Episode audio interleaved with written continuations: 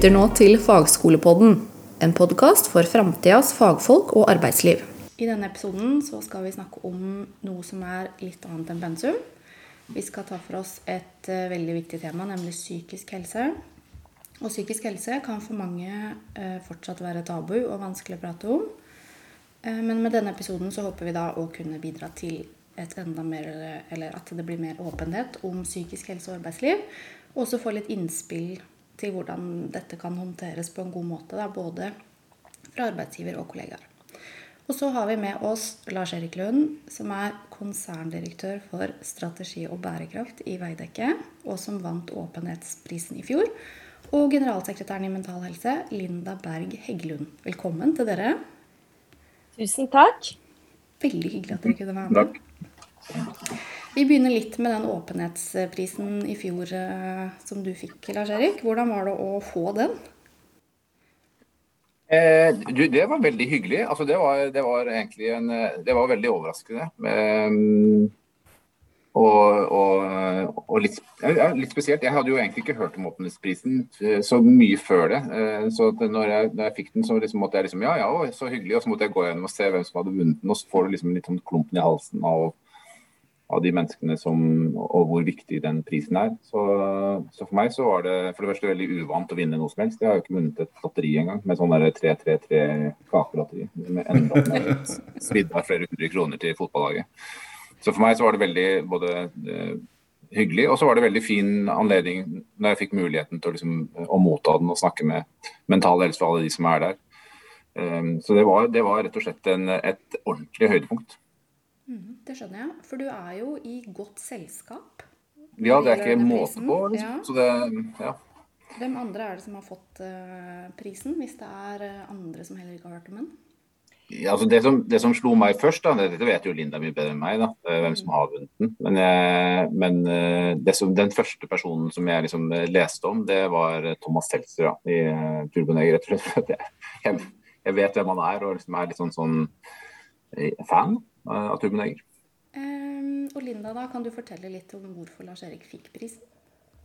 Du, Lars Erik fikk den fordi at han uh, helt plutselig, i hvert fall opplevdes det sånn for omverdenen, uh, sto frem om at det ikke var så lett å være han, og at han hver dag sto opp med en klump i magen og grudde seg til å gå på jobb. Og så er det jo sånn med Lars Erik at han er jo en mann som assosieres med det å ha det gode livet og fikse alt og masse energi og veldig på.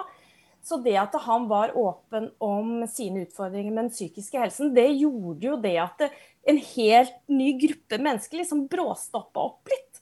Eh, fordi vi fikk et nytt forbilde. Vi fikk en som eh, var leder og behersket å ha en veldig krevende jobb, som sto frem og sa veldig tydelig at det ikke alltid var så lett å gå i hans sko eh, heller. Så for oss var det kjempeviktig å anerkjenne den åpenheten. Kan du ikke fortelle litt om hvilke andre mennesker da, som har fått prisen før Lars Erik, så vi ser hvilket godt selskap han er i? Jo, det kan jeg absolutt gjøre. Altså, vi har veldig ulike mennesker som har fått den. Else Kåss Furuseth har bl.a. fått prisen for åpenhet rundt dette med selvmord og psykiske helseutfordringer i familien, og hva det gjør med henne som pårørende. I tillegg så har også Fabian Stang fått den for eh, sin åpenhet om hans eh, psykiske helse og depresjoner. Og i 2020 så hadde vi en uh, flott dame, en psykiater, Marianne Mjåland, som sto frem om at også hun hadde utfordringer med sin psykiske helse. Og hun er jo inne i behandlingsapparatet, og, og det var veldig mye forventninger uh, til henne og hennes rolle. Og hun var veldig tydelig på at det var ikke lett for henne heller å være åpen om at hun også hadde psykiske utfordringer. Så det er veldig, veldig mange mennesker eh, som har gjort Eh, stor forskjell eh, og vært åpen om utfordringer som har fått prisen. Og i år så vil det også være en svært, svært verdig kandidat som skal få prisen. Blir det på verdensdagen den skal deles ut, eller? Det blir det, vet du. Det blir 10.10, så da er det bare å følge med. Inntil videre er det hemmelig. Lars Erik, eh, hvordan var denne prosessen da, før du valgte å være åpen? Altså, jeg, jeg, har lyst til å liksom ta det ta, eh, altså, Igjen, da. Husk på at vi har ikke all verdens tid. Men eh, først og fremst, Lina, du er ikke villig til å liksom stille oss som lyd på min vekkerklokka? fordi det, der, eh, det, å høre du snakke om de tingene gjør meg helt, det gjør helt sånn eh, veldig veldig hyggelige ord å få. Eh, men det jo, altså den, den perioden før det å, det å, være åpen om dette, det er jo en, en altså det, er ikke, det, er jo ikke sånn at du går ut og, så, og, snakker om disse tingene fordi du skal få åpenhetsprisen. det er nummer én, da. og, og, eh, på en eller annen måte så er det så, så var jo den situasjonen rett før jeg skulle offentliggjøre eller si det, det, det, var, det var voldsomme kvaler rundt akkurat det. Altså, jeg brukte jo veldig mye tid på det, og jeg har brukt uh, mange år på å liksom komme bare til anerkjennelsen at jeg faktisk har det sånn som jeg har det. Så helt et år i forveien så skrev jeg jo denne teksten og hadde mange samtaler med både familie og venner om, om, om teksten og, og, og, hvordan jeg følte det. Og i all hovedsak så var det jo skrevet fordi jeg egentlig eh, ville beskrive hvordan situasjonen var for meg selv, slik at jeg egentlig på svart på hvitt kunne se hvordan jeg opplevde det. Og så når man kommer til stykket og skal offentliggjøre det, så var jo som var egentlig eh, den, den, sommeren så var jeg liksom, gikk det mellom den ene dagen og tenkte at dette kan jeg ikke gjøre, og den andre dagen at dette kan jeg gjøre. Helt, rett og slett fordi at det, det er et liv før og etter. da. Eh, jeg tenkte på det i helgen rett før jeg skulle snakke med dere, at liksom, i løpet av den, den helgen vi har hatt nå, så så har jeg tenkt masse på hvor deilig det hadde vært å kunne gå tilbake til den situasjonen hvor ingen visste det. og jeg kunne få lov til å liksom, gå på jobb og bare eh, drukne i jobb og drukne i det å eh, være rasjonell og, liksom, og stenge de ubehagelige følelsene ute. Mens nå har jeg ikke anledning til det lenger. Så det skallet er jo borte. Det er, det, altså, det er fint å ha det skallet borte innimellom, men jeg skal ærlig innrømme at inn, det, det, er dager hvor jeg egentlig skulle gjerne ønske at jeg var tilbake til å kunne skjule bak eh, blådress og og litt, en litt morsk mine. Mm. Um, så, så i, i, dagene før så vi, var, vi hadde jo en HMS-uke eh, bare en uke etter at jeg skulle eh, snakke eh, jeg offentliggjorde. Og jeg, jeg forsto jo rett før at jeg ikke kunne stå foran medarbeidere og kollegaer og si at det er viktig å være åpen om mental helse når jeg visste at jeg bar på det jeg hadde. da. Så det, det, var, det var, liksom den, den, siste årsaken til at jeg, nå måtte jeg gjøre noe med det. Så Da er det jo gått over et år siden du publiserte den meldinga. Hvordan har det siste året vært? Nei, det, har vært et, det har vært rett og slett det er jo et, eh, si, et vannskille i mitt liv.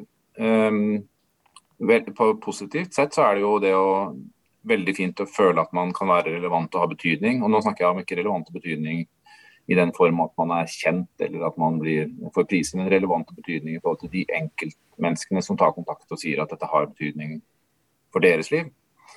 Um, og Det har vært veldig mye av. Jeg har fått muligheten til å snakke om det jeg etter hvert er, er veldig opptatt av. Da, at arbeidslivet er en veldig viktig og avgjørende arena for mange av oss. Um, og at det er viktig at vi ikke blir uh, skjøvet ut liksom, på en eller annen måte i forhold til at man blir sykemeldt og satt nei, nå tar jeg tre dager hvile og liksom kom deg bort fra jobb, sånn at du kan hvile litt. Men at man faktisk skal altså, lage gode arbeidsplasser der, der, vi kan komme sånn som vi er, enten vi er deprimert, har en bipolar lidelse, eh, sliter med ADHD eller andre ting. At man kan få lov til å og, og at, vi, at, vi, som arbeidsgivere kan skape de arbeidsplassene. Uh, og, og, jeg, og det, det, arbeidet det er jo bare så vidt begynt. Uh, så det er, en, det er, en, svær jobb å ta tak i. Så det, det har vært viktig. Og så uh, igjen da, så det, har det betydd uh, noen dager med veldig veldig rå følelser, hvor du, du opplever at uh, hele verden ser kun depresjonen og ikke alt annet. Hvis du skal peke på sånn tre fordeler da, med, med, med siste året med å være åpen? Den viktigste fordelen min tror jeg kan peke på én viktig forhold som jeg tror egentlig er helt avgjørende. Det er å øh, Du vet at depresjon ofte er sånn at man dette, det, er ikke, det, er jo ikke, så lett at man kan bare si at det er en fordel å være åpen fordi det er en fordel å være åpen, men, men, men, for meg så er det en fordel å være åpen fordi jeg kan være meg selv. Uh, det tvinger meg til å måtte være akkurat den jeg er. Og, og, det gjør det mye lettere for meg å stå trygt i både beslutninger, i de valg, i det moralske kompasset jeg har fremfor å stå i en rolle jeg, eh, som jeg mener og, og, tror at andre forventer at jeg skal stå i. Og den, den, Det skillet mellom der er kanskje ikke så stort for mange. Noen klarer jo å, å ha det skillet mellom hva de tror for andre forventer og, og, hvem de faktisk er, ganske nært. Men jeg opplevde at det skillet var veldig stort. Og det, det var vanskelig for meg eh, over tid. da. Så det, den, den, største fordelen er at jeg er mye tryggere på meg selv. Mm. Og så er det jo Du er jo mann, hører vi og vet. Eh, så det er eh, litt sånn spørsmål til, til, dere begge. For tror dere det er noen forskjeller mellom kjønn når det gjelder dette med åpenhet og hvordan, eh, hvordan man har det? Linda, hva tenker du? Ja, det er det. Og det ser vi ganske tydelig. At det er færre menn som er åpne om sin psykiske helse enn det kvinner er. Og jeg tror det kan handle litt om både hvordan vi er oppdratt og hva slags forbilder som både er ute i media og i næringslivet. Hvor eh, det ikke er så vanlig at menn er åpne om hvordan de har det. Men så ser vi jo nå at eh, når fokuset har vært større på det, så er det jo flere som tør å være åpne. For man eh, opplever i all hovedsak å bli møtt på en OK måte. Mm. Men hvis man f.eks. også ser på det med selvmordstallene i Norge, så er jo det veldig, veldig dystre tall. I 2021 så var det jeg tror det var 648 som har tatt livet sitt, og 70 av eh, de er menn. Og veldig mange av de har jo ikke engang vært i kontakt med behandlingsapparatet, og det sier kanskje noe om stigma, da. Eh, når man ser at har, de har det så vanskelig at de heller velger å ikke leve enn å f.eks. ta kontakt med hjelpeapparatet. Så Vi har en lang vei å gå med å få menn til å være mer åpne og, og be om hjelp når de trenger det, og at det er helt OK. For det er det jo absolutt. Um, Lars Erik, da, hva tenker du? Altså, helt, fra media og, og, og måten liksom, kultur har diskutert disse tingene, at menn i all hovedsak skal være, skal være stoiske, eh, rasjonelle, eh, trygge, solide og modige liksom, i det og, det, det, passer seg jo ikke så godt med å, en, eh, å slite med følelser og mental lidelse. Så Sånn sett så er det kanskje at det kulturelle bildet man ser, er at det er sånn det skal være. Hvorvidt man har depresjon eller ikke har depresjon. Jeg tror ikke du, du, finner, du, finner, ikke noe tall på at det faktisk er flere kvinner som har Som Linda sier, det er, det er nok flere, færre menn kanskje som søker hjelp i helsevesenet. Det vi også kan se, er jo bl.a. at på arbeidsplasser som er veldig mannsdominerte, så er det jo eh, mindre åpenhet enn f.eks. på sykehus og mer omsorgsyrker, hvor det, det, å spørre noen i gangen hvordan, eh, hvordan har du det, hvordan har dagen din vært, det er mer vanlig gjerne i omsorgsyrker enn i mer mannsdominerte yrker. Eh, at man da vil få mer jord, takk, det går greit, og så går det kanskje ikke så greit. Og vi har jo også historie på at eh, menn har eh, syntes det var greit å bli syk på jobb fordi man trodde at det var hjerteinfarkt, men det var vanskeligere å komme tilbake på jobb når det viste seg at det egentlig var et angstanfall. Så vi har fortsatt et, et, en god vei å gå for å liksom sidestille kjønnene. Eh, for jeg tror helt sikkert at eh, det er ikke noe særlig forskjell på eh, psykiske lidelser eller psykisk uhelse blant eh, kjønnene. Det er mer hvordan vi snakker om det, med hvem vi snakker med det om, og om det påvirker liksom personligheten vår der ute, da. Eh, så det å bryte det er jo ikke, er jo ikke verdens enkleste, enkleste jobb. Nei, absolutt ikke. Eh, men Linda, hvordan er det hvis jeg jobber på en arbeidsplass, da? Hvordan kan jeg kjenne igjen at noen får utfordringer, eller hvordan kan jeg legge merke til at noen får utfordringer med den psykiske helsa si? Og jeg kunne ønske jeg kunne gitt deg et helt sånn klart fasitsvar, men, men, det kan jeg ikke. Det viktigste er jo at vi kjenner hverandre godt. At arbeidslivet, arbeidsstedet legger til rette for at man kan ha litt sosiale sammenkomster. At man kan samarbeide på tvers, sånn at man blir ordentlig kjent med hverandre. Og så ser man jo gjerne det at uh, man kan kanskje merke at oi, der var det en endring. Personen virker mer nedstemt eller oppstemt eller mer inneslutta. Uh, som gjør at man stusser over at det er noe som uh, er annerledes. Og det viktigste man kan gjøre da, det er jo faktisk å spørre. Det er mye omsorg i å spørre, og så er det jo helt opp til den personen som blir spurt, om man vil være åpen og si noe. Eh, eller om man ikke vil det. Og om man ikke vil det, så har man allikevel åpna en dør på gløtt da, om at mm. du kan komme til meg og, og, si hvis ting eh, ikke er greit. Men det er jo gjerne de små endringene i personligheten eh, man skal se etter. Sykefravær, det at personen kanskje virker mer sinna, frustrert over ting som ikke opptok en eller henne tidligere, det er jo gjerne symptomer på at noe ikke er greit. Mm. Og da svarte du litt sånn på neste også hvordan være en god kollega for en som har utfordringer. da. Det er jo å spørre, f.eks., sånn som du var inne på. Ja, det er å spørre, og det er også det å være interessert i den andre kollegaens f.eks. privatliv. Eh, selv om det ikke er noen eh, signaler på at personen ikke har det greit. Liksom spørre hvordan har du det hjemme, og hva gjør du på fritida. Hvis du da kanskje eh, oppdager at du har en kollega som er ensom eller sliter med utenforskap, så er det kjempeviktig å være obs på dem. For det er jo en del risikofaktorer. Vi vet jo det bl.a. det med livskriser, fysisk sykdom, rus eller død i nærmeste familie er, er risikofaktorer for å få en depresjon eh, f.eks. Og at man da kjenner personens sosiale nettverk litt. At man tør liksom å bry seg. Det mm. tror jeg er veldig, veldig viktig. Mm. For kan man bry seg for mye, egentlig? Jeg, jeg, tror ikke det. Det kommer litt an på hvor intens man er. Men jeg tror at så lenge man gjør det med et godt hjerte og en genuin interesse for den andre, så tror jeg ikke man kan bry seg for mye. Eh, jeg tror eh, vi har et langt stykke vei å gå for å bry oss mer. Eh, Bl.a. denne pandemien har jo gjort noe med at vi, vi er lært opp nå til å bry oss om hverandre på avstand. Og det gjør jo faktisk det at vi har større ensomhet i samfunnet nå enn det vi faktisk hadde under pandemien. Så det bør være en vekker. Og det er jo derfor vi er så opptatt av eh, dette slagordet for verdensdagen, det med å løfte blikket. Nå har vi vært så navlebeskuende, nå må vi se hverandre der ute. Da har vi kikka litt på det hvordan være god kollega, da, men eh, hvordan er en, er en god arbeidsgiver? Hvordan kan de tilrettelegge best mulig for en helsefremmende arbeidsplass? Det er kjempeviktig å, å, gjøre det i forkant. Altså, sånn med psykisk helse eh, bør jo inngå i en HMS-plan på lik linje som eh, fysisk helse. Det bør være et tema på arbeidsplassen. Hvordan ser vi hverandre? Hva trenger dere for at dere skal ha en eh, god psykisk eh, helse på jobb? Og man må også være veldig tydelig som leder, eh, tenker jeg, at, kan, at ansatte kan komme til en når en har det vanskelig. Og da, hvis man sier at døra står åpen, så er det viktig at døra står åpen. Da kan man ikke stoppe den ansatte og si at du, jeg må bare inn i et møte, så jeg kan ikke prate med deg nå når den ansatte har tatt kanskje det initiativet om at man trenger en prat. At man har da en romslighet for å, å både sette av tid og til å ha samtaler på hvordan har vi det egentlig på jobb, og hvordan skal vi se hverandre. Det er kjempeviktig. Mm. Og dette må jo ned i alle skriftlige dokumenter også. I alle ledd i bedriften, bl.a.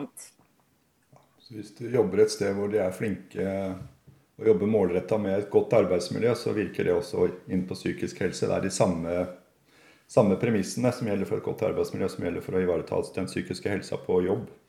Absolutt. Og vi ser jo også dette her med arbeidsplasser hvor man kanskje har mindre team så har man eh, større åpenhet om dette med psykisk helse og mer trivsel. Det der med at ansatte har fått verktøy, hva skal du se etter? Eh, hva tenker du at som eh, kollega at det er viktig at du gjør dersom du ser noen sliter? At man tør å ha disse dilemmaoppgavene før man kommer i en situasjon hvor man kanskje har en ansatt eller en kollega som sliter. For da er det en forståelse i bånd, og man har en kunnskap om hva som møter en. Og det er kanskje noe helt annet enn stigma heller, at vi skal ivareta deg. Men hva hvis jeg har litt psykiske utfordringer, da? Hva er det jeg burde gjøre eh, overfor eh, arbeidsgiver eller kollegaer? Altså En av de tingene som jeg, som jeg liksom har jeg har, jeg har snakket med flere som har kommet til meg og sagt at hvis jeg er åpen om dette, så vil på en eller annen måte jeg miste den mulighetene jeg hadde. Jeg har eh, mennesker som har ringt meg eller sendt melding og sagt at jeg, jeg, søker på ny jobb. Jeg har lyst til å være åpen om at jeg har en, en angstlidelse. Hvis jeg gjør det, eh, så er jeg redd for at jeg mister jobben. Og Da har mitt svar vært at jeg tror man undervurderer eh, lederes evne til faktisk å føle empati. Jeg tror at man, eh, og Ved å undervurdere det, også faktisk skaper den egne distansen også fra fra si, leder og medarbeider, kollega og medarbeider. De aller fleste mennesker har jeg jo utstyrt heldigvis da, med et sett med empatiske evner. Eh, og evnen til faktisk medfølelse, evnen til å, å, sette seg inn i situasjonen til andre. Og Hvis de ikke har det, så kan du jo bare si at da, da lider de av en sosiopati eller psykopati. Og da har man altså rett og slett en annen type lidelse selv. da. Mm. Så det, det, det ledere så, så, så, Når det gjelder medarbeidere, så er det det å åpne opp. Det, det, faren er veldig liten også hvis du tenker at det er en arbeidsplass hvor hvis jeg er åpen ikke kan være åpen, så vil jeg faktisk tenke på at jeg skulle søkt en annen jobb et annet sted. Eh, det er, det er, ikke verdt det å, å, gå og bære på ting som er så ubehagelig som en mental utfordring er, at, eh, at, at, det er ikke verdt det bare for å beholde den ene jobben. Det finnes en rekke andre arbeidsgivere som kan håndtere det på en bedre måte. Eh, når det gjelder ledere, så gjelder det akkurat sånn som Linda sier. altså den der med at liksom, ja, hvordan går det med deg? Jo, nei, nå skal du høre, jeg har det litt opp, så er det sånn takk, vi snakkes. Liksom. Lykke til. Det er en årsak til det, og det er at det er ubehagelig og ganske vanskelig å stå i situasjoner med en medarbeider som sliter. Fordi det, du, du, skal jo i prinsippet da prøve å sette deg inn i de følelsene det er, og det er ganske vanskelige følelser. Eh, fremfor å liksom prøve umiddelbart å finne de løsningene som ligger til grunn. Ja, kan, bør du ta medisiner, eller bør du ta noen pause, eller kanskje du skulle liksom sett på andre arbeidsoppgaver. Så det å faktisk sette seg inn i det og, og ha tid til å lytte, det tror jeg tid er én ting. Det andre er liksom det å evne å, å, å, å lytte uten å nødvendigvis komme med et råd om hva du skal gjøre for noe. Det er nummer to. Og dernest liksom se om man kan gjøre noe med at arbeidsplassen kan tilpasses den arbeidssituasjonen du står i, og ikke at du liksom prøver å gjøre noe med den enkelte medarbeider. og Si at da må du ta en pause, eller da må du gå ut av dette her. Så istedenfor å endre på arbeidsoppgavene til den enkelte medarbeider, i større grad se på om det kan vi gjøre dette her på jobb. Finne måter å, å tilpasse arbeidsplassen til at du kan håndtere det selv med de, de utfordringene du har. Og det ville gjort det, Hvis alle de tre tingene hadde gjort for meg, så hadde det vært enklere i alle de aller fleste tilfeller. så ville det gjort det mye mye lettere for meg å kunne håndtere det å være åpen og det å, det å, det å tørre å stå i det. Men er det sånn at ledere har, eh, eller arbeidsplasser har for lite kunnskap om psykisk helse? Ja, det vil jeg si at de har. Det merker vi jo bl.a. ved at vi får veldig mye henvendelser fra ulike bedrifter på hvordan kan vi sette psykisk helse på dagsorden, og vi inviteres inn fordi at eh, de ønsker at vi skal uh, si noen ting om det. Men jeg tror igjen at det, det, handler jo litt om at man er redd for å gjøre feil. Da. Man er redd for å si noe som gjør at uh, den ansatte får det verre. Men sånn er det ikke. Eh, det viktigste er jo det at man eh, kan være åpen hvis man har lyst til det, og at eh, man kan komme til jobb, og at det skal være en positiv opplevelse, selv om livet kanskje på privaten er vanskelig. Og man opplever at det kan tilrettelegges, og du kan komme og ikke være 100% menneske. Nå jeg, kjører jeg bare 40 menneske, og det er helt greit. Mm. Det tror jeg er kjempeviktig. Og det er jo noe med at også ledere trengs, trenger jo også å få opplæring i hvordan man på best mulig måte kan ivareta sine ansatte. Og det opplever jeg at de virkelig ønsker, altså. Hvis noen hører på nå og tenker at de vil lære mer om uh, psykisk helse og arbeidsliv, har dere noen tips til hvor de kan finne ut mer om det? Man kan bl.a. ta kontakt med Mental Helse, så vil vi kunne gi de både råd og verktøy eh, som de kan benytte. Jeg vet også at Eh, det fins ulike sider på internett som omhandler arbeidsplasser og psykisk helse, og ikke minst verdensdagen.no. Der ligger det masse råd og tips på hvordan man på best mulig måte kan ivareta ansatte si akkurat det samme, at det, det Mental Helse sine både nettsider og den, den, de ressursene som ligger tilgjengelig der, er, er, er kjempeviktig. og lett, lett, å få tak i og så lett å, å lese opp på. Og så er det, jo, det er jo rett og slett et tema som du kan nærmest søke deg hjelp på, på Google også. altså det finnes eh, podkaster i massevis, og det finnes ideer i massevis. Og veldig mye av disse organisasjonspsykologene som verden liksom nå ser fremveksten av, i form av Adam Grant og disse andre, de, de beskriver dette i detalj, og det er mulig å kunne både lytte, og det er ganske enkelt å, å, å følge med. Og det er kjempespennende, rett og slett. Mental Helse har jo en arbeidslivstelefon eh, som er eh, en telefon hvor både ansatte og arbeidsgivere kan ringe for å få råd og veiledning ut fra ulike arbeidslivsspørsmål, også dette med psykisk helse på arbeidsplassen. Du var inne på den verdensdagen eh, for psykisk helse, Linda. Den kom jo nå i oktober, da. Kan ikke du fortelle mer om den dagen? Jo, altså Verdensdagen for psykisk helse det er jo 10. oktober, eh, og det er en kampanje som går over en måned. Den starter eh, to uker før 10. oktober og varer to uker etter. Eh, og det vi ønsker med den kampanjen, er jo at samfunnet vårt skal sette fokus på det med psykisk helse på alle nivåer. Og vi har arrangører helt fra barnehage, skole, arbeidsliv og ulike organisasjoner som setter fokus på dette med psykisk helse. Og hensikten med den dagen den er jo at den skal være lavterskel, og at den skal være inkluderende for alle sammen. Og at det er noe vi kan kjenne oss igjen i. For det er jo gjerne sånn at eh, vi glemmer å tenke at den psykiske helsen er jo en like stor del av livet vårt som den eh, fysiske helsen. Og så har vi hatt uh, ulike tematikker uh, gjennom årene, og i år så er det tema Løft blikket. Og det handler bl.a. om det at vi ser at uh, vi nå er i en situasjon hvor det er flere som sier at de er ensomme og opplever utenforskap. Vi har kommet oss gjennom to år med pandemi, og så vidt klart å starte opp livet igjen, så får vi krig i Europa. Og vi står også ovenfor ganske store økonomiske utfordringer. Og da er det så lett å gjerne bli navlebeskuende og være opptatt av hvordan en selv har det. Men eh, vi tenker at nå er det på tide å løfte blikket og se folk rundt oss og skape sosiale møtearenaer og plasser som gjør at eh, vi kan stå mer sammen enn eh, hver for oss, eh, bl.a. Kan, kan jeg få si noe om akkurat det, det, det mm. temaet? Som jeg synes er, er Lina, det som jeg liksom virkelig setter veldig veldig stor pris på. Og jeg, og jeg har lyst til å si det til, til alle som møter. Jeg føler at de er deprimerte. Den der, den, de, de, aller fleste av oss som har sliter med depresjoner, er jo veldig opptatt av å, å søke innover og lete gjennom hva er som er problemene med meg. Eh, det å løfte blikket og se utover, se om det er noe man kan gjøre for andre, og se om man kan hjelpe andre eller, eller sette seg inn i hvordan andre har det, det er rett og slett en, en, en god behandlingsmetode. Også. Det er rett og slett, eh, det, det, det gjør at du det der, Hvis du fôrer, liksom det noen som sa det, hvis du fôrer udyret med mer, jo verre blir det. Så det å kunne se, se andre og, og, og, løfte blikket, det tror jeg er helt avgjørende. Mm. Så vi vil jo oppfordre alle til å markere dagen og se på om de har mulighet til å, å gjøre noe for andre. Uh, og kanskje for de som man ser ikke har så store nettverk, eller av en eller annen grunn uh, faller litt på utsiden, at vi trenger de også. Vi er mye sterkere i flokk enn vi er uh, alene, og ensomhet kan faktisk ta livet av oss. Dessverre. Mm.